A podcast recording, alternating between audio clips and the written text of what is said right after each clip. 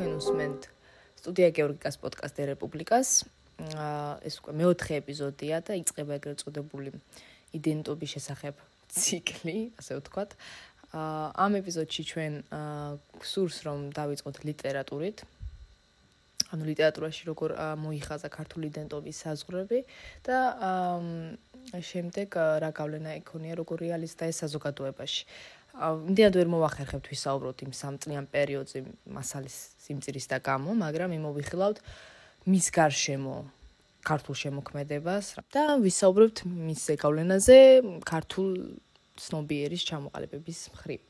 ამ ამ საკითხებს მიმოვიხილავთ დღევანდელი ეპიზოდის სტუმარ ბატონ ზალჩხეიძესთან. და ახლა ანი შეაჯამებს ტრადიციულად თემებს, რომლებზეც უკვე ვისაუბრეთ წინა ეპიზოდებში და შემდეგ უკვე პირველ კითხვაზეც გადავალთ.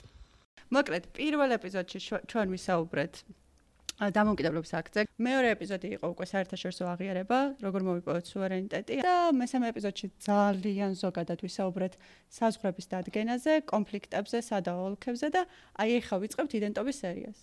თქვენ იქნებით ჩვენი პირველი სტუმარი. ზოგადი კონტექსტი რაც გითხარით, ამის მიხედვით რომ დაგისვათ ახლა კითხვა, აი როცა იწება მოდერნულ სახელმწიფოზე ფიქრი, ამ მოდერნულ სახელმწიფოზე ფიქრი აღწევს თუ არა ლიტერატურაში და ქართულ ტექსტებში დაახლოებით 1860-იან წლების დასაწყისში. არა მგონია გულწრფელად გითხრათ, ამ დროს ალბათ ლიტერატურაში უფრო მნიშვნელოვანი არის საზოგადოების სოციალური მოწყობის საკითხები აა ვიდრე ვთქვათ რაღაცა ფუნდამენტური ფიქრი იდეოლოგიურ ელემენტებს. მაგრამ აი მაგალითად ილიას ტექსტებზე როცა უკვე ხო იქ მთლიანად სორი ის არის სოციალური იდეა. ანუ არაფერ კავშირში ეს ჩემი აზრით ყოველ შემთხვევაში არ არის თვითგამორკვევის საკითხთან რომ მოცემულობა რომ ამ რაღაც ტერიტორიული ერთეულს პირობითად ხო რასაც საქართველოს ვეძახით აქ царსული ამ царსულზე ჩემი აზრით აქვთ ერთდროულად მეტისმეტად ხელშესახები და თან მეტისმეტად ბუნდოვანი წარმოდგენა, იმიტომ რომ არავითარი ისტორიული ამ სიტყვის სამეცნიერო მნიშვნელობით კვლევა ამ პერიოდში მათ არა აქვთ. ანუ ეს არის სუფთად ზეპირი გადმოცემები რაღაცა ქვეყნის შესახებ, რომელიც იყო. უბრალოდ ისინი იცნობენ ადამიანებს, ვინც მოესწრო ან იცნობენ იმ ადამიანების შვილებს, ან უშუალო ნაცნობობა და არის რაღაც მეცნიერული აზრით ბუნდოვანი წარმოდგენები წარსულის შესახებ. მაგ კუთხით აი კოლექტიური ცნობიერება რო ყალიბდება უფრო და უფრო ღვივდება და აი უფრო ტერიტორიული კუთხით ჩვენ მაწინა რესპუბლიკებმა გაამახვილეს ყურადღება რომ ერკინიგზას ქონდა დიდი მნიშვნელობა რომ პირველად თქვა კახელებს ენახათ გურულები და ანუ აქტიური მიმოწვა ყოფილიყო მათ შორის. და აი ეს ასპექტი უკვე როცა განსხვავებული კუთხის წარმომადგენლები ერთმანეთს ხვდებიან ლიტერატურაში როგორ როგორ ნელ-ნელა როგორ შემოგვიყვება არ ხვდებიან გულწრფელად კითხრათ ლიტერატურაში რა. ანუ ლიტერატურა ან ყველა რეალიზმი ხო ეს არის რეალისტი მწერალი ცდილობს რომ ილაპარაკოს იმაზე, რაც ასე ვთქვათ, ნამდვილად იცის. ამიტომ ერთგვარი კუთხური ელემენტი თუ ესე შეიძლება ითქვას, აქ ძლიერია. თან ჩვენ არ უნდა დაგვაუწყდეს, რომ პროზა ამ პერიოდისა კლასიკური აზრით გულისხმობ. ამას ფაქტობრივად არ აქვს. სულ რამდენიმე კაცია, ხო, რომელიც ამ თვალსაზრისი წერს რამეს, ხო, პროზაში. ყოველთვის ჩვენთვის ახლა იქ შეიძლება სხვაებიც წერდნენ და ხაცა, მაგრამ ნუ ეს ქართულ ლიტერატურულ მეხსიერებას ნაკლებად შემორჩა და შეიძლება არსებობს მხოლოდ უშუალოდ იმ ეპოქის სპეციალისტებისთვის, ხო? უფრო ძლიერი არის ჟურნალისტიკური ესეისტური მიმართულება ამ თვალსაზრისით, მაგრამ ძირითადი აქცენტი არის, რა თქმა უნდა, სოციალურ საკითხებს. სოციალურ ან ისტორიულ საკითხებზე თითქმის მითოლოგიური გადმოცემები, ამაზე ისინი პროფესიულად ვერ ლაპარაკობენ. მე არის ეს, რომ ვიღაც ადამიანები იწყებენ სიარულს, თქვათ, რაღაც შეკრებას, ციგნების შეგროვებას, ნივთების შეგროვებას. ხო, ისა და იმ ადამიანების სახელი ხა ფართო საზოგადოებისთვის შედარებით ნაკლებად ცნობილია თორე მათი საქმიანობა იყო აი გრანდიოზული მნიშვნელობისა, იმიტომ რომ ისინი იყვნენ პირველები, ვინც ძირითადად დასავლეთში განათლება მიღებული ადამიანები, ვინც თქვა სოფლიდან სოფლში დადიოდა და ხარას მოიპარავდა ამ სიტყვის პირდაპირ მნიშვნელობით ხშირად და ხარას მოიპარავდა, ხო? აა ამიტომ უფრო მეტად ეს ხდება 900-იან წლებში, როდესაც ძლიერდება თქვა ქართული აი ეს რაღაც სამეცნიერო ნაწილი სამეცნიერო დასავლეთში განათლება მიღებული ადამიანები, რომლებმაც თქვა ბაკალავრის ან მაგისტრის ხარისხი მიიღეს. იქამ მერე ჩამოდიან საქართველოსში და უკვე რაღაცების, ასე ვთქვათ, უშუალო თავენთი ქვეყნისთვის კეთებას იწებენ, ხო? ამიტომ რაღაც идеოლოგიური მზადყოფნა, идеოლოგიური მზადყოფნა იმისთვის, რომ რაღაცა ჩვენ სუverენული სახელმწიფო უნდა შევქმნათ. აა ესეთი არ არის. ისინი მიდიან რაღაც უხსოვარ წარსულში, ხშირად ეს უხსოვარ წარსული უკავშირდება სულ რამდენიმე ისტორიულ მონაკვეთს, რაღაც ეს ქართული სამეფოებისას. შეიძლება ეს იყოს ფარნავაზი, შეიძლება ეს იყოს რა ვიცი მე ვახტანგ გორგასალი, დავით ანუ თამარ მეფე. აი ესეთი ერეკლე მეორე, ხო? აი ამ ხალხს მიემართება და იქ შუაში ვინ არიან, რასაკეთებენ? როგორ ცხოვრობდნენ, თქვათ. ანუ არავით არის ხელშესახები წოდნა ამის შესახებ, მათ არა აქვს და არა გვაქვს არც ჩვენ, იმიტომ რომ მოგეხსენებათ ქართული ისტორიოგრაფიული თხზულებები მეტის მეტად მწირია, ხო, სულ რამდენიმე ტექსტი გვაქვს პრინციპში გაცმა რომ თქვას, არა, ის ფუნდამენტური რაც თავის დროზე თქვათ. შეიქმნა თორე. აი მე მე-17 საუკუნეში ვთქვათ მე-18 საუკუნეში ნაწილობრივ მე-16 საუკუნეში. აა რა როგორ ცხოვრობენ ეს ადამიანები რა წესჩვეულებები აქვთ? აი ჩვენ აი ხალხი რო ხალხს ხალხი რო დაინახო ეს ნაკლებად აქვთ მათ ამისი შესაძლებლობა მათ ქვეყანა წარმოუდგენიათ კიდევ მეორე ფერტკვარ მითოსურ საზღვრებში და მითოსურ პლანში.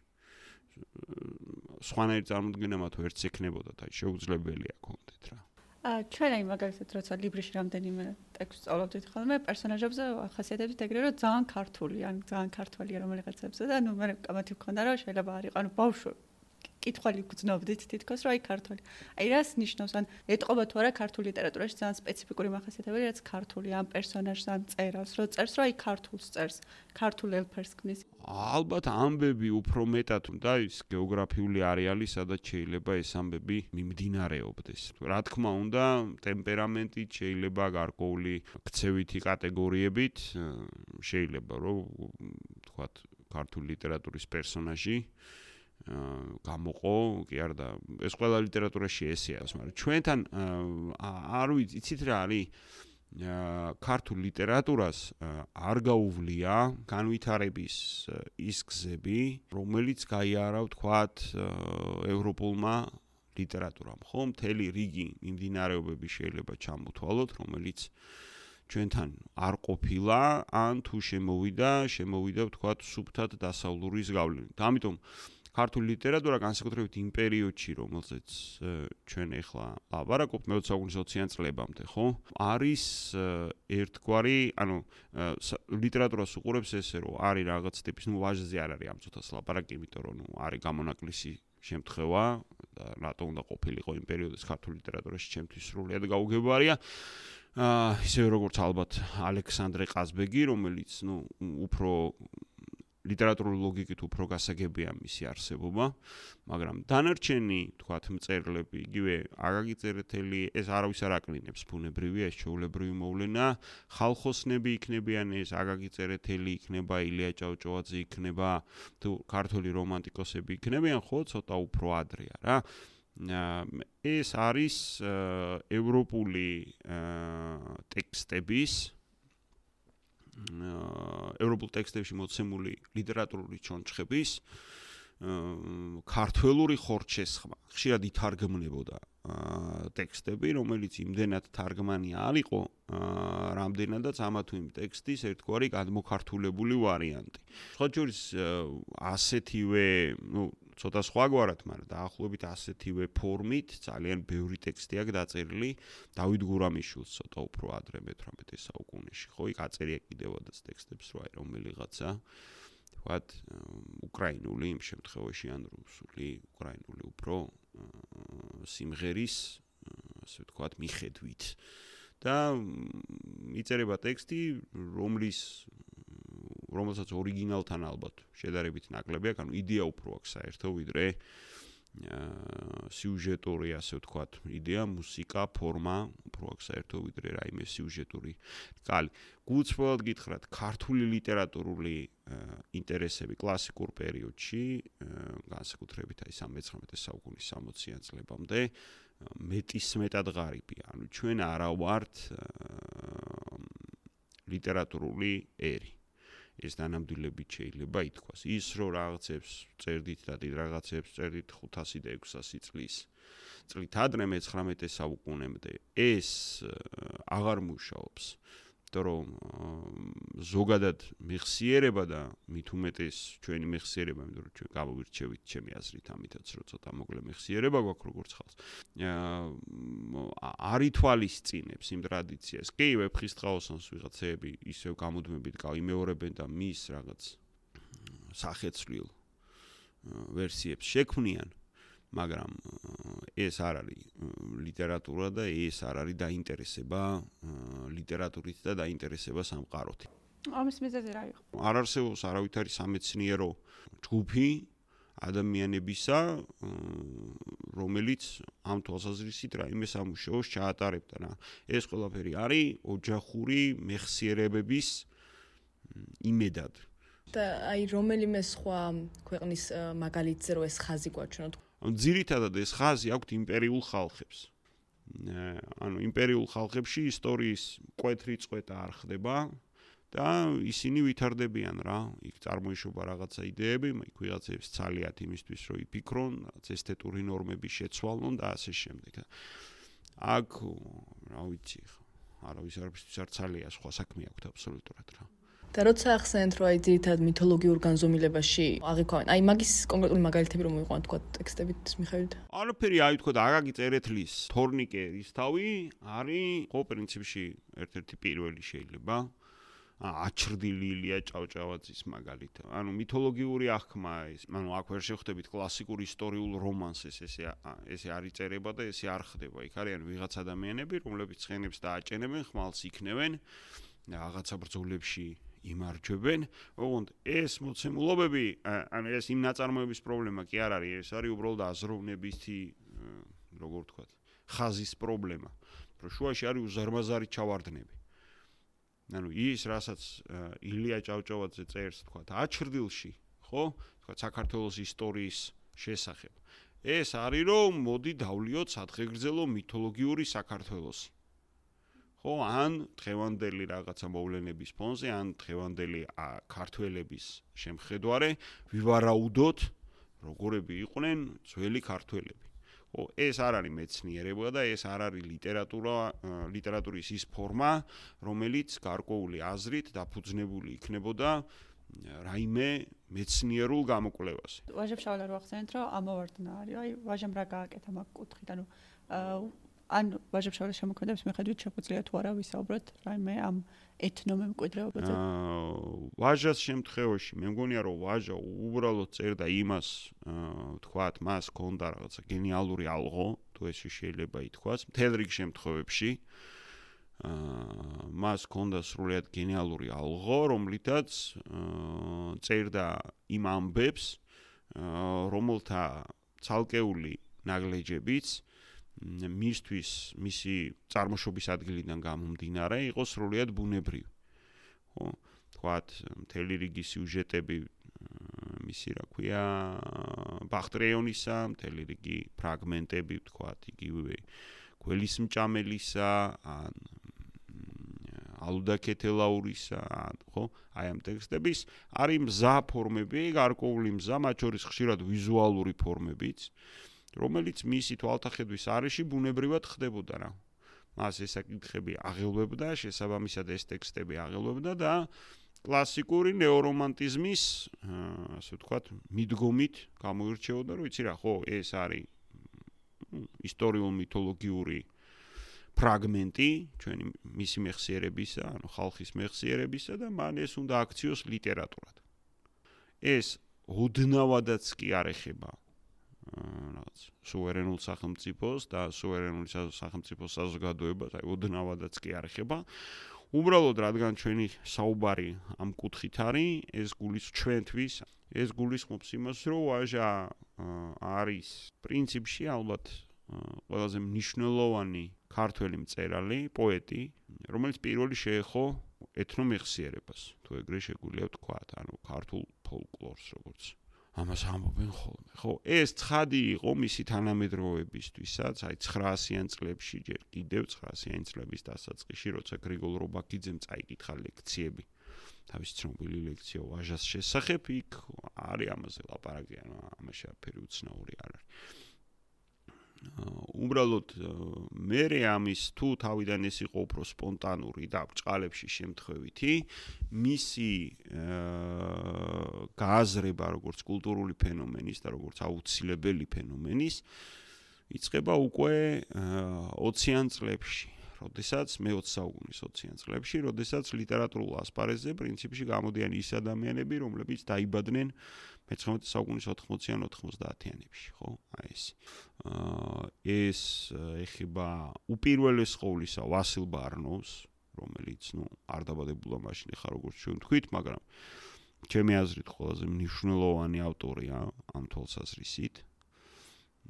მე უკვე ეხება თქვათ კონსტანტინე გამსახურდიას, ლეო ქიაჩელს, განსაკუთრებით მეგრული წარმოშობის მწერლებს. იმიტომ იქამდე მეგრული მეგრული ნარატივი ქართულ ლიტერატურაში არ არსებობს. ხო, თლიანად ქართული ლიტერატურა და ეს საინტერესოა სხვა შორის რა რატო მოხდა ეგრე ჩემთვის ძნელი სათქმელია. ანუ სოციალურად გასაგებია ვიოლია სახსნელია, მაგრამ ნუ იდეურად ძნელი გასაგებია, რომ იქამდე მე-19 საუკუნის ქართული ლიტერატურა დგას აღმოსავლეთ ქართულ ნარატივზე, ესე შეიძლება თქვას, როდესაც თქვათ მე-20 საუკუნის 20-იანი წლები და 10-იანი წლებიც პრინციპში ძირითადად დგას დასავლურ ქართულ ნარატივზე. პოეზიაში ეს არის ძირითადად იმერული, ასე ვთქვათ, ხაზი, ხო? ეს უცნაურია მესმის რომ სისულელია სხვანაირად ხა გასაგებია გვერდან მოსასმენად რასაც ვამბობ წარმოუდგენელი სიბრიყვეა მაგრამ ნუ რავი და დავთვალოთ რა ხო უცნაურია რომ რაღაცა აი წალეკა ქართული ლიტერატურა კონკრეტულად ქართული მოდერნისტული პოეზია აი ესე წარმოშობით იმერელმა ადამიანებმა მაშინ როდესაც ქართული პროზა წალეკა წარმოშობით მეგრელმა მწერლებმა. მავიცი ხარა აი ის რომ მეგრული ხაზი ქართულ პროზაში უკიდურესად მნიშვნელოვანი გახდა ამან გამოიწვია ის რომ ქართული მოდერნული პროზა გაცილებით მეტად დაუახლოვდა მითოსურ წმენა წარმოდგენებს ვიდრე ვთქვათ მე-19 საუკუნის ლიტერატურა იქნებოდა. მე-19 საუკუნის ლიტერატურაში თუ სადმე რამე ამგვარი გამოჩნდება, ხო? ძირითადად ამის მიმართ აქვს წერილობას აქვს დამოკიდებულება, რომ ეს სრულწმენა, ეს ისულელია, ეს ვის რა თუნდა ჩამორჩენილობა. მაშინ როდესაც ვთქვათ იგივე ლეო ქიაჩელის დემნა შენგელაიას ან კონსტანტინე გამსახურდიას ტექსტებში უკვე სრულიად სხვაგვარი დამოკიდებულება ამ ყველაფერთან დაკავშირებით, მათ შორის ნუ პირველი ალბათ იყო გრიგოლ რობაქიძე, ვინც ეს გააკეთა და ნუ მას უბრალოდ თავისი განათლება და წარმოდგენები სამყაროს შესახებ ამ განათლებიდან გამომდინარე კარნახობდა ამას, მაგრამ იქაც როცა რობაქიძე თავის ტექსტებს წერს, ხო, ისიც იყენებს გეოგრაფიულ არეალადაც და რაღაცა ფოლკლორულ ტექსტებადაც იყენებს სულ სვანურ, მეგრულ, აი ამ ტიპის ასე ვთქვათ, ფოლკლორულ წარმოდგენებს. და აღმოსავლეთში ძალიან ნაკლებად, ძალიან ნაკლებად. ანუ ფოლკლორული წარმოდგენები რომ მარტივად შემოდის მათ ლიტერატურაში, ვაჟას დამსახურებაა თუ არა? აა ხო, ვაჟას პირდაპირ შეგვიძლია ვთქვათ, რომ ეს ვაჟას დამსახურებაა, იმიტომ რომ მე როცა ამას ვთქვათ, გააკეთებს იგივე კონსტანტინე გამსახურდია, ხო, როცა ხუგაის მინდიას დაწერს ამ სკაუს ტექსტს, რომელმე ის პირდაპირ იქნება პარალელი. ანუ ისინი ყველანი ვაჟას მემკვიდრეები არიან ეს. სრულიად ცხადია და ნუ გრიგოლ რომბაკიძეც თავის ხრივ ხშირად იმეორებს ამას, რომ ის რაღაცნაირად ვაჟას მემკვიდრეა. ის ჩვენთან არ უყვართ ლაპარაკი ამაზე, მაგრამ დიდად ვაჟას გარდა დიდად გულზე არ ეხატებოდა თამათ სხვა ავტორები ყოველ შემთხვევაში როგორც ლიტერატურული ხო და უბრალოდ გრიგოლ რობაკიძე ერთი მხრივ, რადგან ამას ამდენს ლაპარაკობთ და ვასილ ბარნოვი მეორე მხრივ აღმოჩნდნენ ის ადამიანები, აა რომლებმაც ვასილ ბარნოვის შემთხვევაში ისტორიული ფონი გამოიყენა პირველი ქართული ისტორიული რომანები, ყოველ შემთხვევაში ამ ამ მასშტაბით და ამ რაოდენობით სწორედ ვასილ ბარნოვის დაწერილია. ვასილ ბარნოვს ეკუთვნის ყველაზე მნიშვნელოვანი ალბათ ქართული ლიტერატურული ინტერპრეტაცია, როდესაც მან აიღო ერთი ტექსტი და დაწერა მისი ახალი ვარიანტი, სრულიად რადიკალურად ახალი ვარიანტი, თქვათ ერთი მხრივ ეს არის გრიგოლ ხანძთელის ცხოვრება და მეორე მხრივ ეს არის ტრფობა წამებული, რომელიც მან დაწერა, ხო? ეს რა ჩვენი გადმოსახედიდან არის რომ ხო აბა რა მოხდა მაგრამ მაშ პირველი შემთხვევაა აი წარმოიდგინეთ რომ ვიღაცა ქართველი პირველად საქართველოს ისტორიაში ამბობს ეგეთ დღევანდელი გადმოსახედიდან პოსტმოდერნულ ამბავს რომ იცი რა არსებობს კლასიკური ქართული ტექსტი და მე უნდა დავწერო ის ხელახლა. უნდა დავწერო თანამედროვე ასე ვთქვათ ლიტერატურული და ადამიანური აქცენტები ანუ სინამდვილეში ეს არის შუა საუკუნეების ლიტერატურის პირველი ქართული ინტერპრეტაციები. უბრალოდ მე გრიგოლმან ვასილ ბარნოვა ეს ეს განავრცო და არა მხოლოდ გრიგოლზე დაწერა, არამედ დაწერა წმინდა ნინოზე, დაწერა ერეკლე მეორეზე, დაწერა ლევან კახთამეფეზე, ხო? ცალცალკე რომანებია ეს ახლა ჩვენ მაღალ ლიტერატურულ შეფასებას ვაძლევთ ამ ტექსტებს თუ არ ვაძლევთ ამას არავითარ მნიშვნელობა არ აქვს. სალიტერატურო ისტორიული აზრით. ერს რო გადარჩეს, ჭირდება მითოსი. სახელმწიფოს რო შეიქმნას, ჭირდება მითოსი. ეს მითომეხსიერება ესე შეგვიძლია, არ ვიცი რა ქვია მაგას სამეცნიერო ენაზე, ჩემთვის ეგრე დაუძახოთ. ეს მითოლოგიური მეხსიერება შედგება ორი ფრაგმენტისაგან. ერთი არის ფსევდოისტორიული და მეორე არის ფოლკლორული. და ჩაულებრივ მდგომარეობაში სახელმწიფო რო შეიქმნას, ну, გარდა კონკრეტული ისტორიული ვითარებისა, აუცილებლად საჭიროა ორივე. ანუ რაღაც ტიპის წარმოდგენა საკუთარ თავზე, რომ ჩვენ ესეთები ვართ. ხო? აი რაღაცა აბსტრაქტული. ეს ესეთები ვართ ისტორიულ კონტექსტში. ამისი უფრო შედარებით კონკრეტულ ისტორიულ კონტექსტში ამისი წერა დაიწყო ვასილ ბარნომა. და ცოტა უფრო მითოლოგიურ კონტექსტში დაიწყო გრიგოლ რობაკიძე. მერე გაართულა და უფრო ევროპას დაუკავშირა კონსტანტინე გამსახურდიამ და ნუ მასთან ერთად ნაწილობრივ ლეო კიაჩელმა და დემნა შენგელაია. ანუ ამ ტიპის ტექსტებს კონდათ ძალიან საინტერესო მიზანი. ოცხეს ჩემი აზრით. ერთ-ერთი რა თქმა უნდა. ძალიან საინტერესო მიზანი. რო ქართველობა აა უნდა ყოფილიყო მორალური מחასიათებელი. ანუ არსებობდა თითქოს ეს რა მათ გამოიგონეს ცხადია, არაფერი არ არსებობდა არასდროს, ეგეთი შეუძლებელი არსებობდეს, ხო? ერის არსებობის მორალური რაღაცა სახე აი აბსურდია ეს არ არის. ხო და იმის თქვა დამოვიწყდა რომ რადგან არ არის ეს ის არა ქვია დამოუკიდებელი სახელმწიფო არა არა გვაქვს სუვერენული.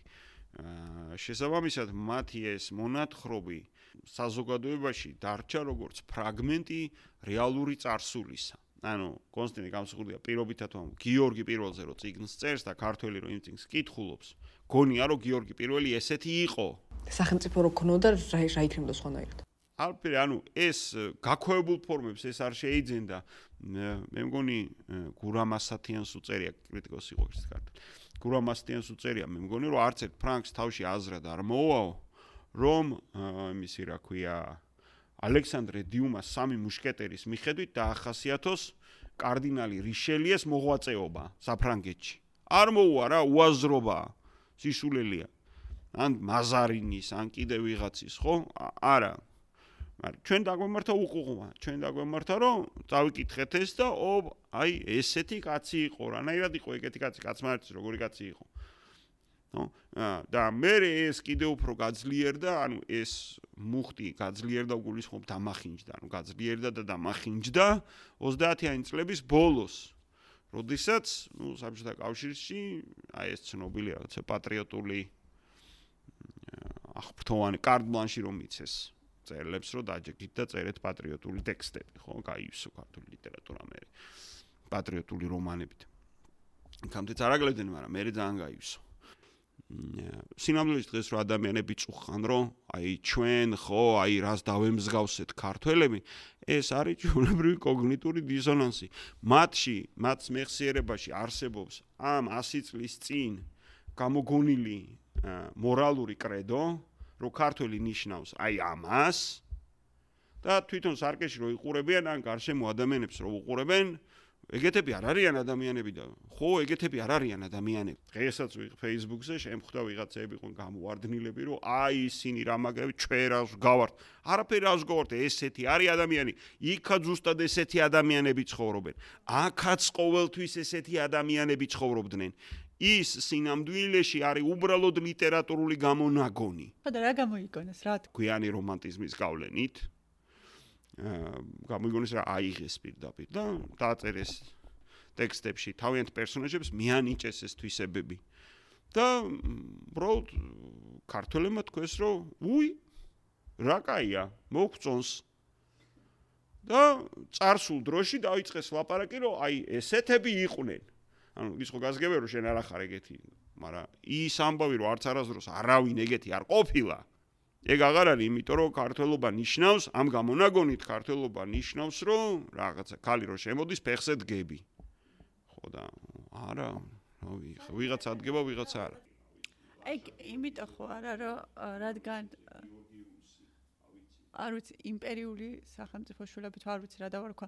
ანუ რაღაცნაირად ხო არ გვიწევდა სულ მткиცებით შეყოფნა, რომ ჩვენც ვიმსახურებთ არსებობას, ან ჩვენც გქონდა იდეალური ისტორია. არ ვიცი, არ ამგონია, იცით, არ ამგონია შეიძლება ეს რაღაცა განდიდების ბჭყალებში ამ სიტყვის საუკეთესო მნიშვნელობით.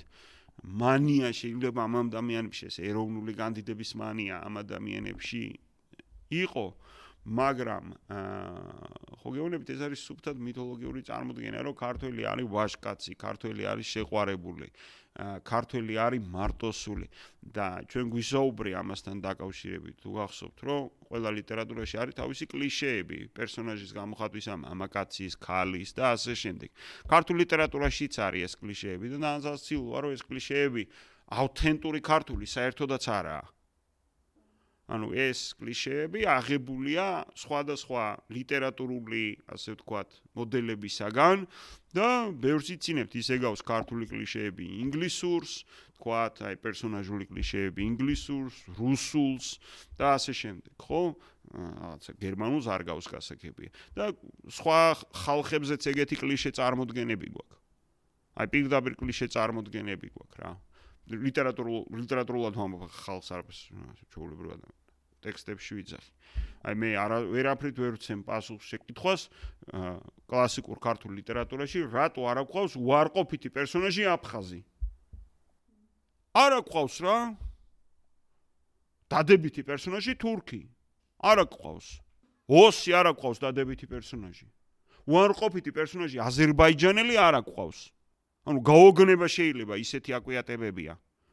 ანუ ამ გადმოსახედიდან სრულიად არაადეკვატური აკვიატებები რა. და არ გახსოვთ იმას რა ნიკოლ ორთქიფანიძეს არ უწერია საოცარი კლიშეები ინგლისელებზე და ამერიკელებზე. მაშინ რა ქვია შელოცვა რადიოში ხო, აი უნდა დაждდე და იცინო მარტო, ხო? სხვა აზრით რომ შეხედო არა ლიტერატურულით, რა საკვირველია. რუსებზე. რატო არ აყოს დადებით პერსონაჟი რუსები? სად წავიდნენ, რა რა მოხდა? არა ყავს რა. ანუ აი ათეულობით ტექსტის ჩამოთვლა შემიძლია, სადაც არ იქნება. ისევე როგორც თითქმის არ აყვავს უარყოფითი პერსონაჟი სპარსელები. არა ყავს. ყოველთვის არის რომ ჭკვიანია, შეიძლება ცუდი კაცია, მაგრამ ჭკვიანია. ეშმაკია, ბრძენია, განათლებულია. ბევრი რამ შეუძლია. თურქი არის უყოველთვის სულელი. აი ეგეთი აკვიეტება მართლა. და ეკვივალენტი მაგალითი გახსენდება სხვა ერის ლიტერატურიდან? ყველას აქვს ეს აკვიატებები, ანუ ამაში უცნაური არაფერი არ არის, უბრალოდ ის ხალხი, ასე ვთქვათ, ის ინტელექტუალური საზოგადოება, რომელიც იმ დიდ ქვეყნებში არის, ამითი არ ხემძღვანელობს. დებით ანუ რაღაცა ცალკე სხვა წარმოდგენები ემატება ამას და ჩვენთან არ დამატებია. გესმით ანუ ჩვენ რაღაცნაირად გამოვიხარშეთ საკუთარ წვენში, თუ ესე შეიძლება ითქვას. ეგ კი არა, აი ვასილ ბარნოვთან, მაშინაც კი, როდესაც ქართველები სპარსელებს ხოცავენ და სპარსელები ქართველებს ხოცავენ, ორივე კარგია. რა, იმი გოსტაშაბიშვილის ამბავი არ გახსოვთ? ომირო აქვს გაგანია ქართველებს და სპარსელებს და ეს რო გავა ვიღაცა სპარსელი რო გამოვა და ერთ 10 ქართველს რო მოკლავს და ეს რო გამოვა და დაამარცხებს იმას ცხენიდან ჩამოაგდებს და ხმალს არ დაარტყამს სიცოცხლეო მიჩუქნიაო და ისე თქვის რომ მეცო თუ სიცოცხლეს ვინმესგან ვიჩუქებდი მხოლოდ შენისგანა ვაშკაცისგანო გადაეხვევიან ერთმანეთს. რა ხე უნდა კოცნა აგიტყდათ? გაგანია ომი 10 კაცი ყავს იმას მოკლული შენი მეგობარი.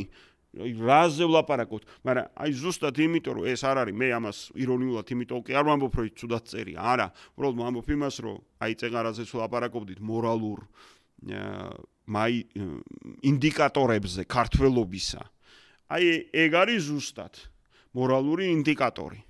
რომ როგორი უნდა იყოს ქართველი, ხო, აი ესეთი უნდა იყოს, რომ ტერმა 10 კაცი, არა და რეალურ ცხოვრებაში ხო სიბრიყვია და საბმელი სიბრიყვია, სადაც წაასრებ მოაჯერი თავი კაცო რაზე არ ლაპარაკი.